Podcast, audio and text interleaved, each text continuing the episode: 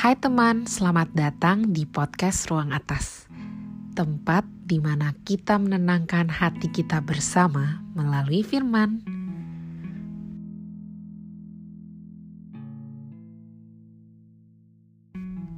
Sebelum kita mulai, saya ingin mengajak teman-teman untuk menenangkan hati dan pikiran kita. Mari kita mulai dengan mencari posisi duduk yang nyaman dengan pundak yang tegak dan pejamkan mata. Mari kita fokuskan diri kepada nafas kita yang sudah Tuhan berikan. Mari kita tarik nafas. Dua, tiga, empat. Tahan. Dua, tiga, empat. Hembuskan pelan-pelan dua, tiga, empat. Mari kita ulang lagi. Tarik nafas. Dua, tiga, empat. Tahan. Dua, tiga, empat. Lalu hembuskan pelan-pelan. Dua, tiga, empat. Mari kita mulai lagi. Tarik nafas. Tahan. Dan hembuskan. Teruskan fokus pada pernafasan kalian sambil mencoba lemaskan otot-otot yang masih kaku. Kita mulai rasakan pada pundak kita. Apabila masih kaku, mari pelan-pelan kita lemaskan. Lalu kita akan lanjut kepada rahang kita.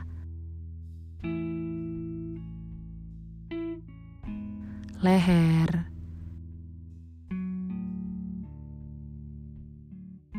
Perut dan punggung.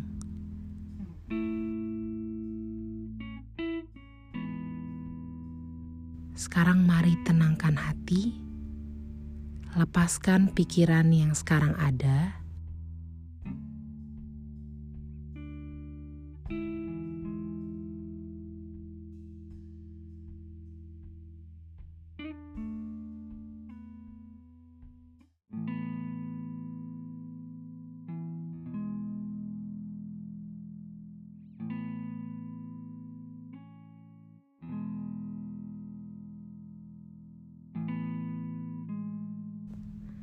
Jika sudah, mari pelan-pelan kita membuka mata.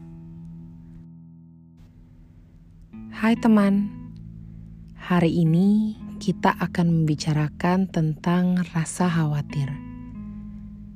Kita semua pasti pernah khawatir.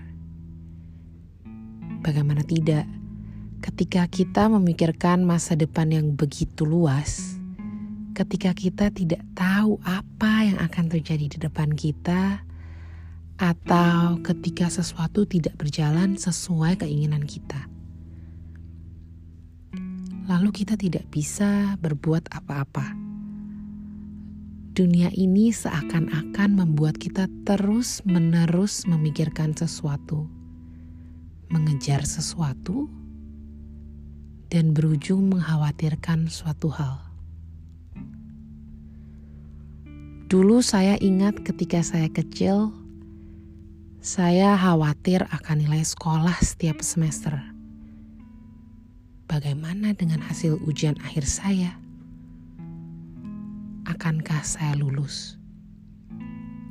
Lalu lambat laun ketika saya beranjak dewasa, saya mulai mengkhawatirkan apa yang saya kejar di dunia ini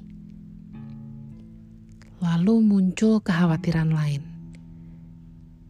Bagaimana ya orang lain menilai saya?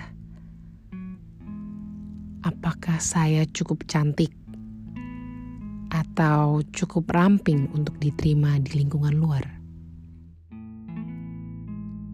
Kenapa saya selalu kurang di mata orang tua saya dan orang lain? Siapa nanti pasangan hidup saya? Lalu pun jika ada, apakah keluarga pasangan saya dapat menerima saya dan keluarga saya? Lalu apa penghasilan saya cukup membanggakan? Di mana dan harga berapa rumah yang harus saya beli? Dan semakin banyak kekhawatiran lainnya datang begitu saja apa ya yang harus saya lakukan jika saya terkena virus COVID-19? Bagaimana nanti pekerjaan saya? Akankah saya kehilangan pekerjaan ini? Lalu bagaimana cicilan yang harus saya bayarkan di tengah kondisi itu? Dari kekhawatiran yang saya rasakan, mungkin ada dari teman-teman yang merasakan hal yang sama. Ketika kekhawatiran itu muncul, saya hanya bisa mempersiapkan diri, pergi untuk bekerja, mencari jawaban, dan membuktikan kepada dunia bahwa saya bisa untuk menjaga harga diri saya.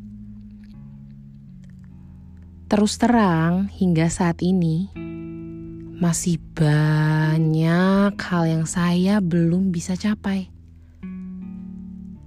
Banyak juga rasa khawatir yang belum terjawabkan.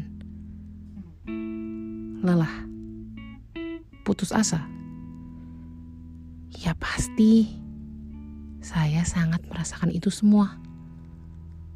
Lalu muncul kembali pertanyaan baru untuk siapa itu semua saya kejar?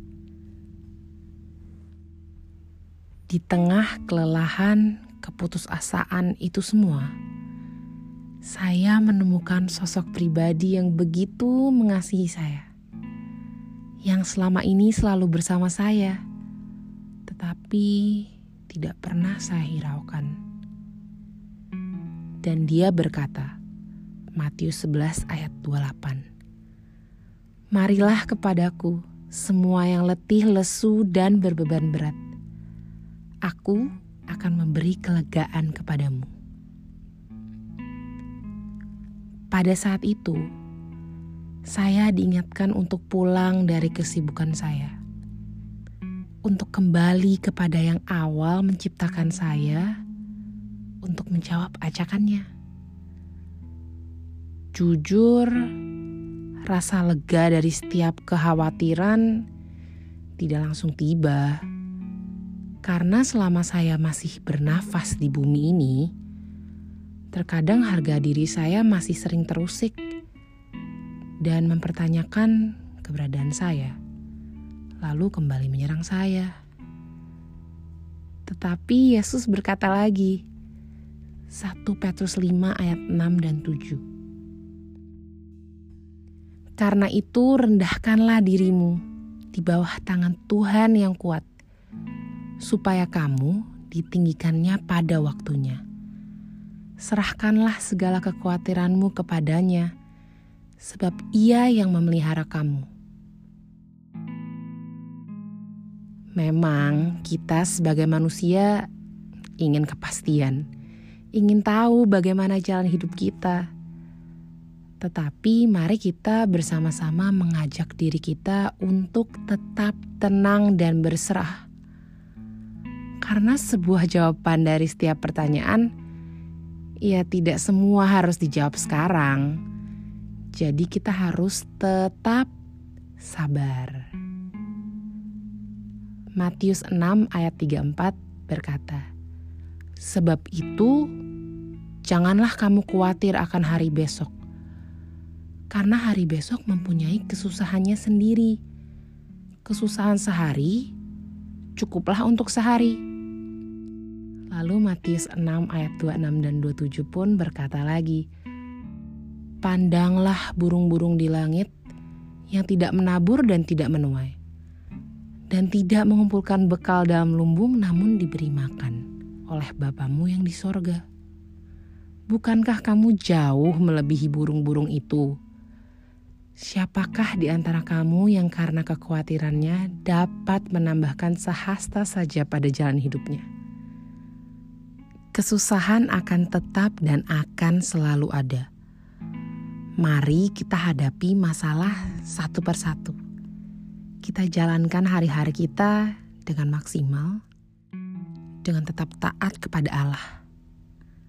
Mari kita lakukan apa yang kita perlu lakukan untuk hari ini, tanpa harus tahu dengan pasti apa yang akan terjadi besok, lusa, atau beberapa tahun ke depan.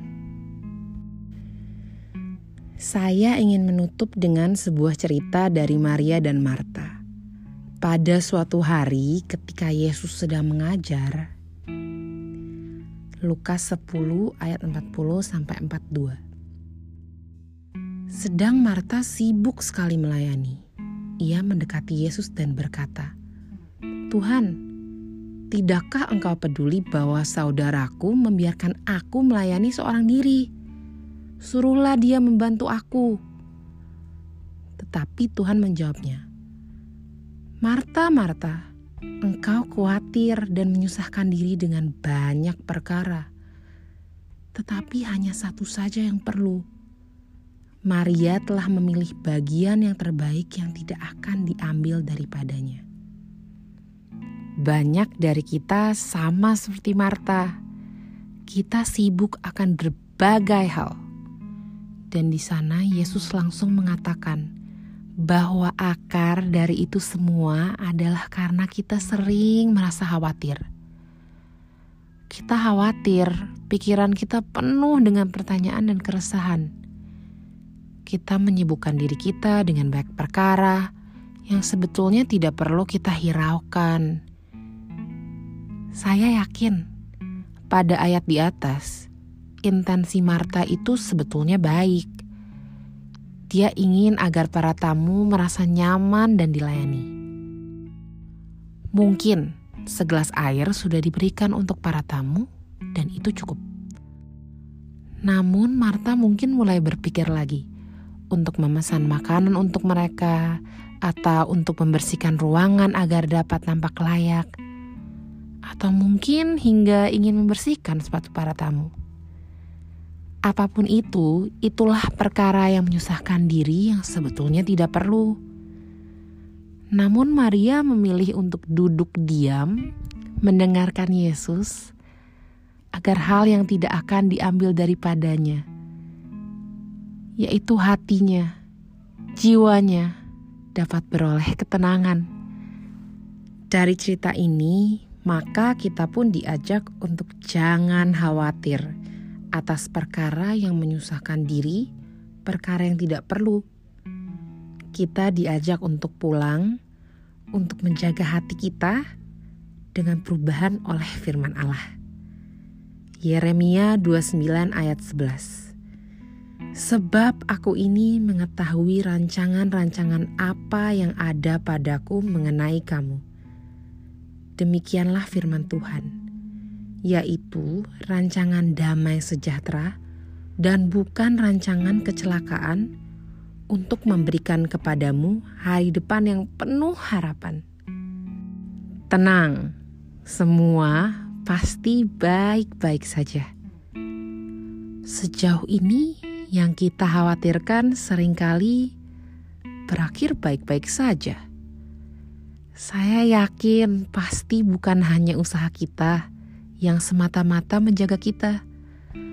Pasti ada kasih Sang Pencipta yang turut bekerja.